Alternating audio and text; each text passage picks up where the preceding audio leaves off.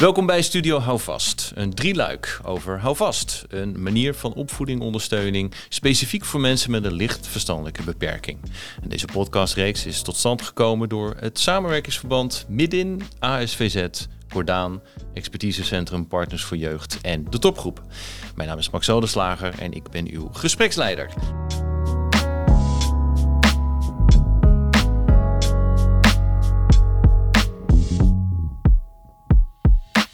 Vandaag gaan we het hebben in deel 1 over de methodiek, hou vast, het hoe en waarom en hoe het tot stand is gekomen. En bij mij aan tafel zitten ontwikkelaar Marcia Lever van de topgroep, gedragsdeskundige Meerte Velenturf van Midin en houvastwerker Helene Groters, ook werkzaam bij Midin, regio Rotterdam. Klopt dat? Dat klopt. Klopt. Welkom allemaal. Dank. Laten we beginnen bij het begin. En die vraag ga ik stellen aan uh, Marcia. Vanuit welke gedachte is de houvast-methodiek ontwikkeld? Nou, is ontstaan vanuit de, uh, het idee dat de gezinsvoogdij uh, vaak te maken had met gezinnen waarvan ouders een lichtverstandelijke beperking hadden.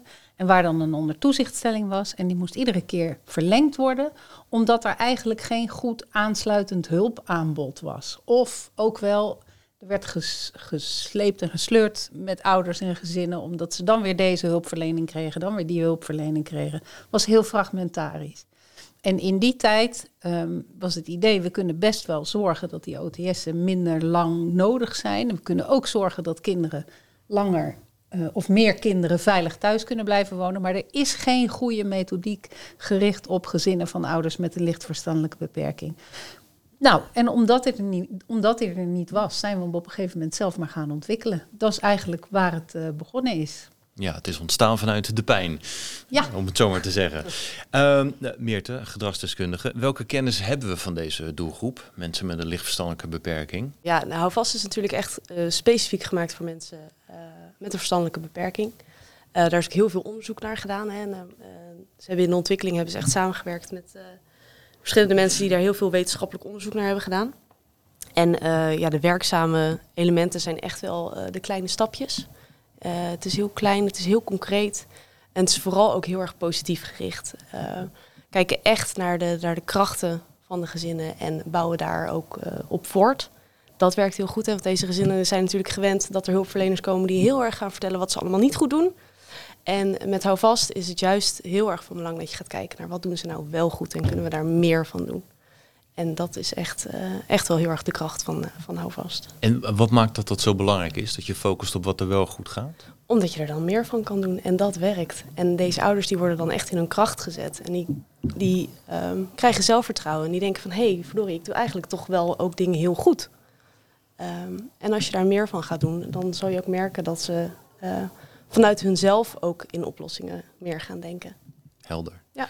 Uh, terug naar jou, Marcia. Als we kijken naar de, de uitgangspunten van, van de methodiek, waar is het dan op gestoeld? Nou, we weten van deze gezinnen. Um, ze komen relatief vaak, zien we ze terug in de jeugdbescherming en bij de, bij de Raad voor de Kinderbescherming en bij Veilig Thuis en dergelijke. Uh, en we weten dat er een een aantal beïnvloedbare factoren zijn die het verschil kunnen maken. En daar zou vast erg op uh, geënt. En dat is het, is het verschil zeg maar, tussen gezinnen van ouders met een lichtverstandelijke beperking waarmee het niet goed gaat. En, het, en gezinnen van ouders met een lichtverstandelijke beperking waarmee het wel goed gaat. Waar wordt dan het verschil gemaakt? Dat wordt bijvoorbeeld gemaakt als ouders in staat zijn om hulp te accepteren. Dus als ouders in staat zijn om hulp te accepteren, dan scheelt dat een heleboel voor de veiligheid en de ontwikkelkansen van kinderen. Daar richt dat, dat, uh, hè, dat insteken op wat goed gaat, van wat uh, net vertelt, zich heel nadrukkelijk op. Nou, twee andere dingen zijn die belangrijk zijn, is dat ze goede opvoedondersteuning krijgen. Dus dat ze echt heel praktisch, wat Meerte ook zei, uh, geholpen worden bij hoe voed je nou een kind op? Hoe zorg je nou voor goede voeding of goede regels in huis of uh, wat dan ook? En het derde wat heel belangrijk is, is dat ze kunnen um, steunen op een netwerk wat uh, er echt voor hen is. En ook dat is een belangrijk onderdeel van Hou Vast om te kijken hoe kunnen we dat netwerk steviger uh, maken of stevig houden. En wat bedoel je met netwerk? Netwerk, dat, zijn, uh, dat kunnen familie zijn, kan familie zijn, dat kunnen buren zijn, vrienden zijn. Maar netwerk ook in bredere zin, dat kunnen ook professionals zijn. Het kan ook de dominee zijn of de imam of uh, nou, het kan van alles zijn. En het idee is dat de houvastwerker er erg op inzet om te zorgen dat al die mensen rondom het gezin ehm, van elkaar weten, goed op, met elkaar samenwerken en goed op elkaar afgestemd zijn. En dat doe jij, Helene. Jij bent houvastwerker. Zeker, Ja. En hoe bevalt dat? Eh, ja, het bevalt heel goed. Het is eh, een methodiek waar eh, de positiviteit staat ook wel centraal. Jij noemde net al één succesfactor is het accepteren van hulp. Ik kom in gezinnen waar in de eerste instantie soms echt wel wantrouwen is. Dus ik steek heel veel energie in, in de samenwerkingsrelatie. Zodat ja, ik geef vertrouwen in het gezin, waardoor ik ook weer vertrouwen kan krijgen. En wat maakt dat er wantrouwen is? Eh, Voordat vaak- jij komt? Nou, vaak hebben ze wel echt een verleden al met eh, hulpverleners. Hè, ze zijn soms ook wel bang eh, van, hey, weer een instantie. En soms ook wel bang van, voor de gevolgen, misschien kinderen die uit huis geplaatst moeten worden. Dus, eh, Je bent niet de eerste hulpverlener die ze zien. Nee, nee. Of ze herkennen zelf het, de zorgen niet of de problemen.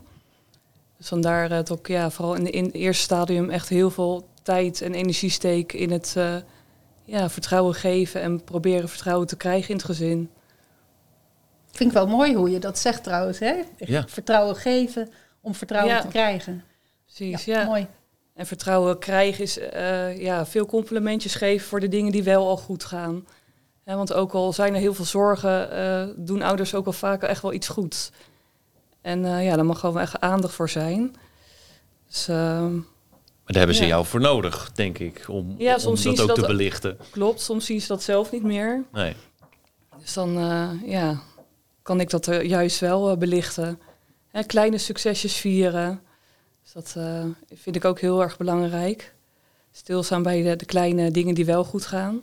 Dat noemde Meerte net ook al. Die kleine stapjes. Wat, wat, wat maakt dat dat zo ja, belangrijk is?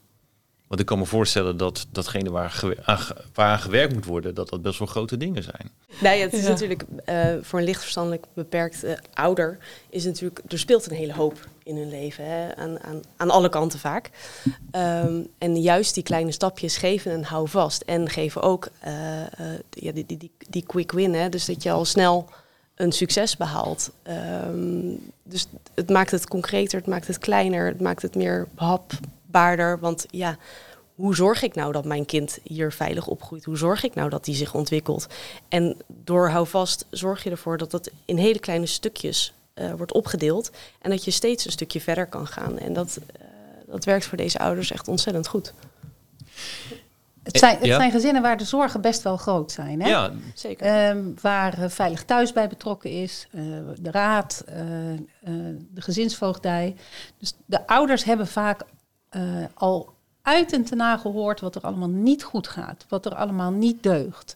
En de problemen die spelen eigenlijk zich af op alle leefgebieden. Dus als het gaat om wonen, als het gaat om werk, financiën, eh, gezondheid, ehm, school, eh, noem maar op. Er speelt ontzettend veel. En in zo'n situatie is het volledig begrijpelijk ehm, dat ouders niet weten waar ze nou in vredesnaam moeten beginnen. En de houvastwerker die krijgt het instrumentarium in handen om gewoon een beginnetje te maken. En vanuit dat beginnetje komt een ouder weer verder. Kan een ouder vertrouwen opbouwen. Ehm, een ouder zal vaak te horen hebben gekregen of zichzelf zeggen: je bent een waarde, waardeloze ehm, moeder of vader. Mhm. Ehm, je kan er niks van. En het- voorbeeld wat ze uit hun eigen jeugd hebben gehad, is vaak ook niet heel rooskleurig. Dus er zit zoveel tegen bij die gezinnen. En er wordt in de manier waarop we de hulp hebben in- ingericht, helaas lang niet altijd een appel gedaan op datgene wat ze wel kunnen en wat wel goed gaat. Wat weerbaar is, wat krachtig is. Nou, en daar zit nou vast enorm veel eh, nadruk op. mooi. Je zet wel je tanden erin. Ik heb hier staan vrijwillig, maar niet vrijblijvend. Dat prikkelt mij wel. Hoe, hoe, moeten we dat vertalen? En wij kijken Ja. naar, naar goed genoeg, hè? Goed genoeg Ja. ouderschap. Hoeft geen tien te zijn. eh, Precies. een zes is ook al goed genoeg, eh, bijvoorbeeld. En eh, voor een ouder is dat ook al laagdrempelig. Als je al eh, uitstraalt van, nou, het hoeft hier allemaal niet allemaal perfect te- zijn of te worden. Maar als het goed genoeg is, dan eh, nou ja, is het gewoon goed genoeg. En wij zijn ook in het begin zijn wij ook altijd wel heel helder ehm, naar de samenwerking met eventueel een gezinsvoogd of iets dergelijks. Hè, dat ze ook weten dat wij ook eh, bepaalde dingen ook wel terug moeten geven aan een gezinsvoogd. En eh, dat er eventueel eh, eh, ook stappen genomen kunnen worden, maar dat we dat altijd samen met de ouder doen. En wij nemen de ouder aan de hand en die nemen we dan mee door dat hele proces. Dus het is niet zo dat we de ouder dan loslaten op zo'n moment dat er opgeschaald moet worden omdat het niet goed genoeg is of niet veilig genoeg is. Maar dan nemen we de ouder altijd mee. Dan doen we dat altijd samen. Ja, dus het is samen, Ja. wel in overleg en Zeker. niet vrijblijvend. Dus een be- beetje bemoeizorg. Ma- Mag ik, mag ik zo'n term eh, gebruiken of eh, resoneert dat niet? Bij mij niet Meerte? in ieder Nee? geval. Nee, ja, ik hou niet zo van die term. Nee, nee, nee. Omdat het, dat klinkt meer als een ouder die eigenlijk absoluut geen hulp wil. En wij gaan continu n- ja, aanbellen. Dat doen we eigenlijk over het algemeen ook weer wel. Maar Ja. het, ik weet niet. Het, het klinkt te, negatief. En Ja. wij, wij proberen het toch altijd op de positieve manier eh, aan te pakken. En niet van, hé, hey, je moet nu onze hulp accepteren. Maar meer van, hé, hey, kijk, we zijn hier voor je. En wat kunnen we voor je doen? En hoe kunnen we je helpen? Zo Ja. meer op, op die manier. En dat, dat vind ik zelf dan niet bemoeierig. Dit klinkt misschien, eh houvast is meer gelijkwaardig, op basis van nou, ja. gelijkwaardigheid. Dat hoop ik wel. Ja, En, en bemoeizorg. Ja. zegt wat meer dat, dat ouders dingen moeten doen Ja. op een bepaalde manier. En zo, zo werken we binnen Houvast in ieder geval niet. Oké, oké, helder. En wil ik iets vertellen over die strategieën? Want daar sluit het volgens mij wel op aan. Wie wat doet. Ja, nou ja, kijk, eh, waar we het net over hadden. Hè, het is een gezin waar ontzettend veel aan de hand is op alle leefgebieden. Eh, de verwijzer die heeft hartstikke hoge ambities, grote doelen. En de houvastwerker komt binnen en die moet ergens beginnen. En nou ja, je zet de eerste stap. Wat we hebben bedacht, dat is een soort van denkkader voor de houvastwerker. En dat noemen we de drie hoofdstrategieën. En dat probeert een beetje te ontrafelen wat je gaat doen. En de eerste strategie die heet in eigen hand. En dat betekent dat er dingen zijn waarvan je de het besluit neemt dat de ouder dat gewoon zelf doet, zelf kan en zelf blijft doen. Maar het betekent niet dat je als werker je daar niet mee bemoeit. Het betekent dat dat de gebieden zijn waarop je de ouder complimenteert en eh, waardeert en ehm, eh, iedere keer aanhaalt hoe goed het is dat ze die dingen in eigen hand kunnen. Eh, de tweede strategie is hand in hand. Dat zijn dingen die de ouder nog niet kan, maar die je wel samen kan gaan oefenen. En daar maak je een soort van plannetje voor om te bedenken hoe, hoe kunnen we, hoe kan ik de ouder helpen om iets wat nu nog niet lukt beter te laten gaan. Maar de derde strategie is ook heel belangrijk en dat is de strategie handje helpen. Want met die enorme lijst doelen die er zijn en dingen die er gebeuren moeten in het gezin, eh, die aan de ene kant, aan de andere kant een ouder met een licht verstandelijke beperking, daarvan is het niet realistisch om alles tegelijkertijd te vragen en om eh, eh, alles te eisen. Dus die derde strategie eh, is handje helpen. En dat betekent dat je zoekt naar anderen die tijdelijk of wat langduriger kunnen overnemen wat een ouder zelf niet kan. Als een ouder echt niet kan koken, dan ga je dus niet ook nog eens naast alle andere dingen die er gebeuren moet eh, eh, rondom de opvoeding, ook nog eens met die ouder leren koken. Maar dan ga je kijken, kunnen we maaltijdservice regelen? Is er een buurvrouw die dat kan doen? Weet ik wat. Dus die derde hoofdstrategie van handje helpen, dat is ook een beetje het, ehm, eh, het ontzorgen van die ouder. Het wegnemen van een aantal zorgen. En ook zeggen, dat hoeft nu even niet. Dat hoef je nu even niet te doen of te kunnen. Ehm Helene, hoe helpt de- deze manier van denken en werken jou eh, in het werken met cliënten? Deze drie strategieën? Ehm, nou, het geeft de, de houvast medewerker ook wel houvast. Het geeft jou houvast. Ja, inderdaad. Het is ook gewoon heel duidelijk van, eh, nou, bij dit doel eh, kan de ouder de, die dingen doen ze zelf. En bij handje helpen eh, probeer ik heel erg aan te sluiten bij de tempo en het niveau van het gezin. Dus eh, in het ene gezin bijvoorbeeld eh, eh, doe ik echt iets eh, samen. Bijvoorbeeld een eh, ouder die eh, weet niet zo goed hoe, het- hoe die het huiswerk moet doen met, eh, met dochter. En dan ga ik het echt vijf keer echt gewoon echt voordoen voor de ouder. Eh, ja, en dan vraag ik ook van, eh, eh, nou, hoe, hoe zou jij het dan willen doen? En dus echt het voordoen. En bij een andere ouder kan ik bijvoorbeeld eh, eh, alleen maar instructies geven. En dan een week later ga ik vragen, hoe is het gegaan eh, afgelopen week? Dus het is heel erg aansluiten bij het gezin. Wat hij nodig heeft, hoe die, hoe die leert. Wat zijn een beetje de, de randvoorwaarden om, om houvast uit te kunnen voeren? om, om dat in te voeren in de organisatie, maar ook voor de, voor de medewerker? Mag ik die aan jou stellen, Marcia? Nou ja, dat is best een opgave hoor voor organisaties om dat te doen. Daar uh, zijn uh, de organisaties uh, van het samenwerkingsverband al flink wat jaren mee bezig. En daar werken ze keihard aan. En dat, is een, dat, is, dat is best een hele stap. Um, waar het mee begint is een training. houvastwerkers krijgen een vijfdaagse training. Uh, waarin ze opgeleid worden tot houvast werker. En dat, er gebeurt een boel in de training, maar daarnaast krijgen ze een aantal opdrachten die ze in de praktijk uitvoeren en waarmee ze aan, aantoonbaar kunnen maken dat datgene wat ze geleerd hebben, dat ze dat in de praktijk ook uit kunnen voeren. Voor gedragswetenschappers is een tweedaagse training. En um, er zijn organisaties die ook een verdeling hebben, HBO'ers en MBO'ers, die het werk uitoefenen. Of daar staan ook weer andere termen voor. Maar dan is er ook voor de mbo'ers uh, is er een, uh, een aanvullende training, zeg maar. Daar begint het mee. En vervolgens is er een traject van uh, certificering en hercertificering. Um, dat is het minimale, of de eerste stap die organisaties zouden moeten nemen. Dat ze daarin investeren. En vervolgens is het aan organisaties om een goede structuur op te bouwen waarin um, supervisie en intervisie op het gebied van de houvast goed geregeld is en waarbij uh, ja, een aantal andere dingen goed doordacht worden. Hoe gaan we dat in onze organisatie uh, doen? En in de, de organisaties binnen het samenwerkingsverband van Houvast zien we dat er ook verschillen zijn en proberen we ook te leren van elkaar in hoe organisaties dat, dat aanpakken en invulling geven. En los van de succesverhalen uit de praktijk, hoe weten we dat het ook echt werkt? Wordt eh, volgens mij wordt er ook onderzoek naar gedaan. Ja, we, ja, we, maken, we, maken begin met onderzoek.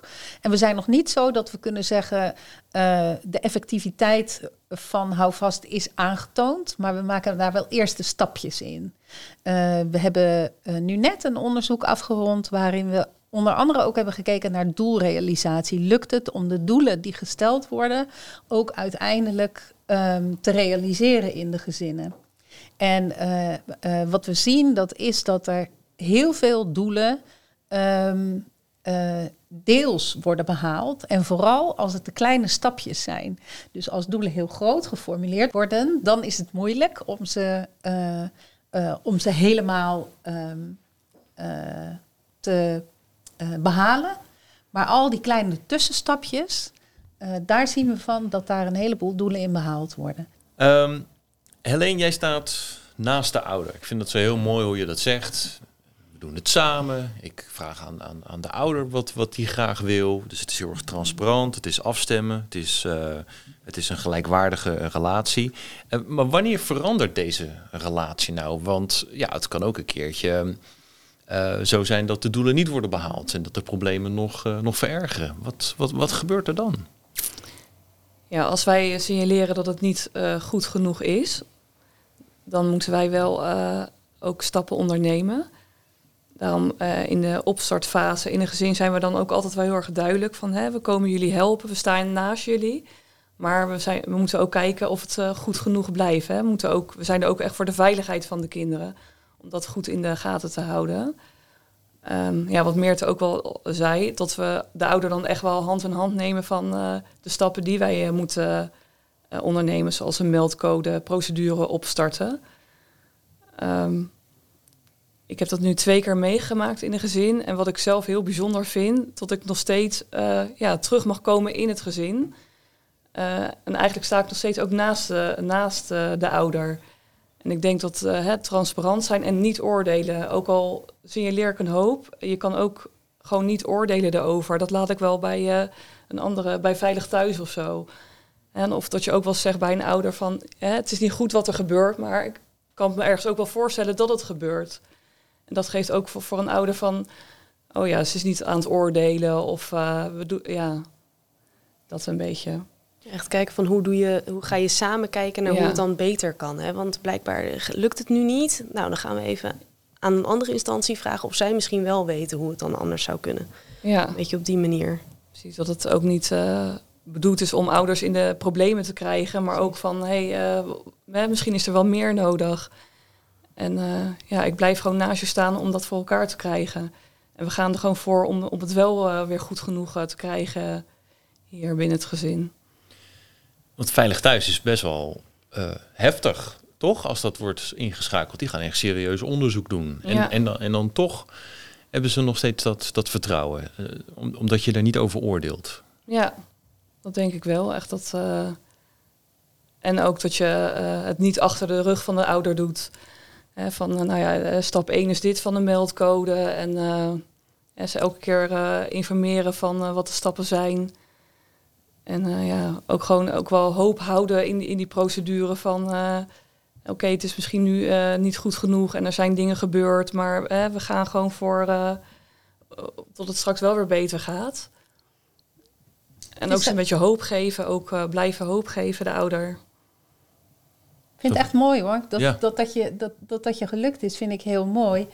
En het is ook zo logisch. Het, eh, weet je, het, het, ehm, eh, het praten over zorgen ehm, is eigenlijk pas, kan pas echt een open gesprek zijn als ouders zich ook gevoeld en erkend en gezien voelen in wat ze allemaal wel goed doen of in hun intenties, in eh, eh, hè, dat, dat mensen re- reduceren tot hun zorgen. Ja, ik, ik, daar komt vaak heel veel weerstand eh, uit vandaan. En als je dat niet doet, als je aansluit bij wie zij zijn, vanuit oprechte betrok- betrokkenheid en van daaruit het gesprek voert over de zorgen, dan is dat waar we het net over hadden ook een soort van bemoeien, waar ouders ook blij mee zijn. Ook al zijn ze natuurlijk niet blij met de gang van zaken en wat er gebeurt. Maar ehm, het is ook logisch. Ik bedoel, voor onszelf zou het ook zo gaan, denk ik maar.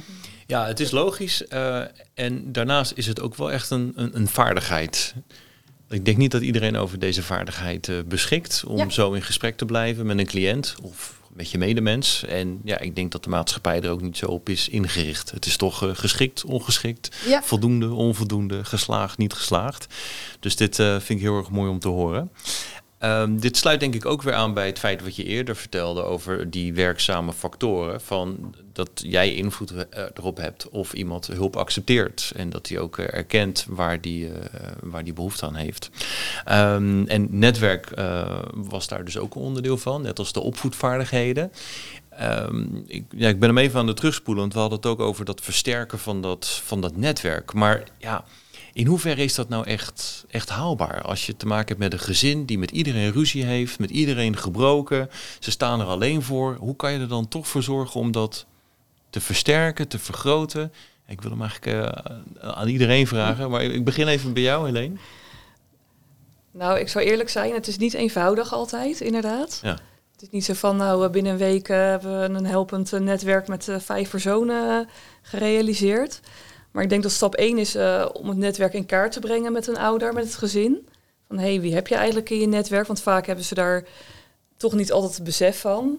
En al pratend hè, en het ook visueel maken, blijkt er soms toch nog wel een, een buurvrouw te zijn of een oom die toch wel iets kan betekenen. Ehm, wat ik zelf ook altijd heel helpend vind. Hè. We willen natuurlijk een helpend netwerk om een, om een gezin krijgen. Dus dan willen we wat halen. Maar ik wil ook altijd tot een gezin iets kan brengen voor het netwerk. Dus in één gezin eh, eh, hebben we uiteindelijk eh, echt een buurvrouw best wel een grote rol gegeven. Om te helpen bij bepaalde doelen. Maar vader was heel handig in klussen en die werkte dat moment ook niet. Dus heeft ook wel weer een tegenprestatie bij die, bij die buurvrouw gedaan. En het gaf hem ook een goed gevoel van om iets te betekenen voor, betekenen voor een ander. Dus ik probeer ook wel echt daarnaar te kijken van hé, hey, wat kan een eh, ouder dan ook weer voor een ander betekenen in zijn netwerk. Dus dat, eh, Mooi. Heel mooi om te horen. Ja. Ja, dus het is echt zoeken. Het zoeken. is echt zoeken, ja. Ja, heel kritisch uitpluizen, zijn. kritisch en, eh, zijn. Ja. En soms ook wel heel erop af. Hè? Gewoon een, eh, een ouder vindt het ook spannend om een buurvrouw aan te spreken. Dus dat ik ze daarbij help. En ik betrek ook wel echt het netwerk bij, eh, bij gesprekken. Dus dat ze echt ook onderdeel worden van een, eh, ja, van een doel of een, eh, een probleem waarbij ze kunnen helpen. Mooi. Ja, nou ja, de, de- ja Helene die verwoordt het al heel mooi. En hou vast geeft echt wel ook goede tools ehm, om een netwerk eh, in kaart te brengen en te betrekken. En wat heel erg helpt is ook niet specifiek vragen naar netwerk, van hey, wie is in je netwerk? Maar eh, bijvoorbeeld vragen van eh, als je een verjaardag geeft, wie komt er dan allemaal? Of eh, op, op zo'n manier, gewoon wie ken je? Eigenlijk op zo'n manier en vanuit daar verder werken. Eh, dat werkt met deze doelgroep vaak wel eh, best goed. Maar het, het blijft eh, wel een, struggle, vaak. Nou ja, volgens mij is, is het twee dingen. Het ene is, ehm, je kan er geen gouden bergen van verwachten. Dat, we kunnen niet, hè, dat was natuurlijk ooit in de, de hele transitie, was dat wel een beetje het idee. Uh, gezinnen die kunnen, of mensen met een, met een hulpvraag of met een probleem, als we nou maar genoeg het netwerk inschakelen, dan uh, lost het zich wel op. Ja, eigen nee, kracht. Precies, eigen kracht. Nee, en zeker bij deze gezinnen, nee, het netwerk zal heel vaak onvoldoende zijn. Dat is de ene kant. En de andere kant is, en ik, ik vind het prachtig zoals je dat vertelt, alleen, uh, het netwerk ehm, betrekken en versterken is een soort van voortdurend proces waar je hartstikke hard aan moet werken om te kijken hoe je dat zo maximaal mogelijk krijgt. Wat is nou nog meer een, een misverstand als we het hebben over, over deze doelgroep in de zorg? Dat je eventjes een, uh, een halfjaartje hulp of een, of een twintig keer ondersteuning uh, en dat het dan uh, nou, dat de problemen dan opgelost zijn en dat het gezin dan zonder hulp verder kan.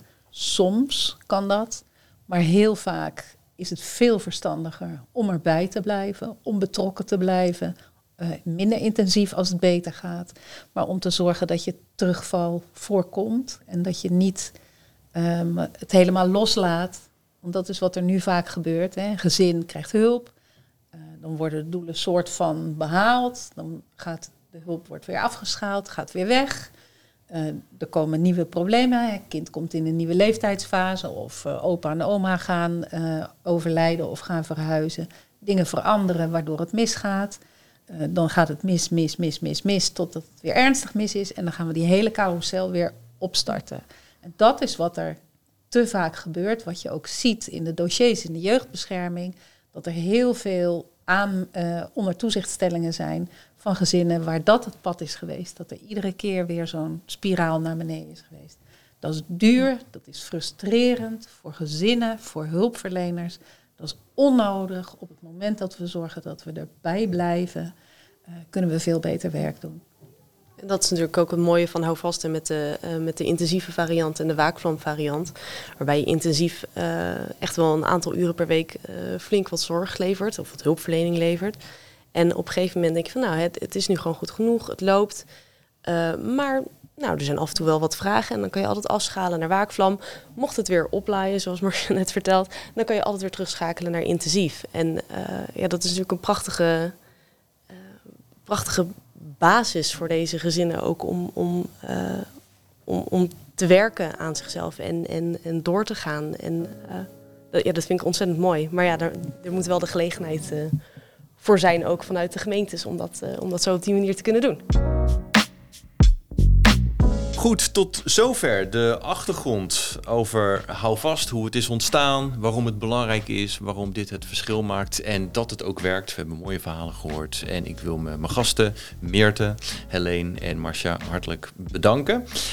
Wilt u meer informatie over houvast? Ga dan naar houvast.nu en ook graag uw aandacht voor de overige twee afleveringen. Uh, die gaan over de inzet van ervaringsdeskundigen bij het onderzoek naar houvast. En ook hoe werken verschillende partijen nou samen. Dat gaat over de samenwerking in de keten. Tot zover, dank u wel. Bedankt voor het luisteren.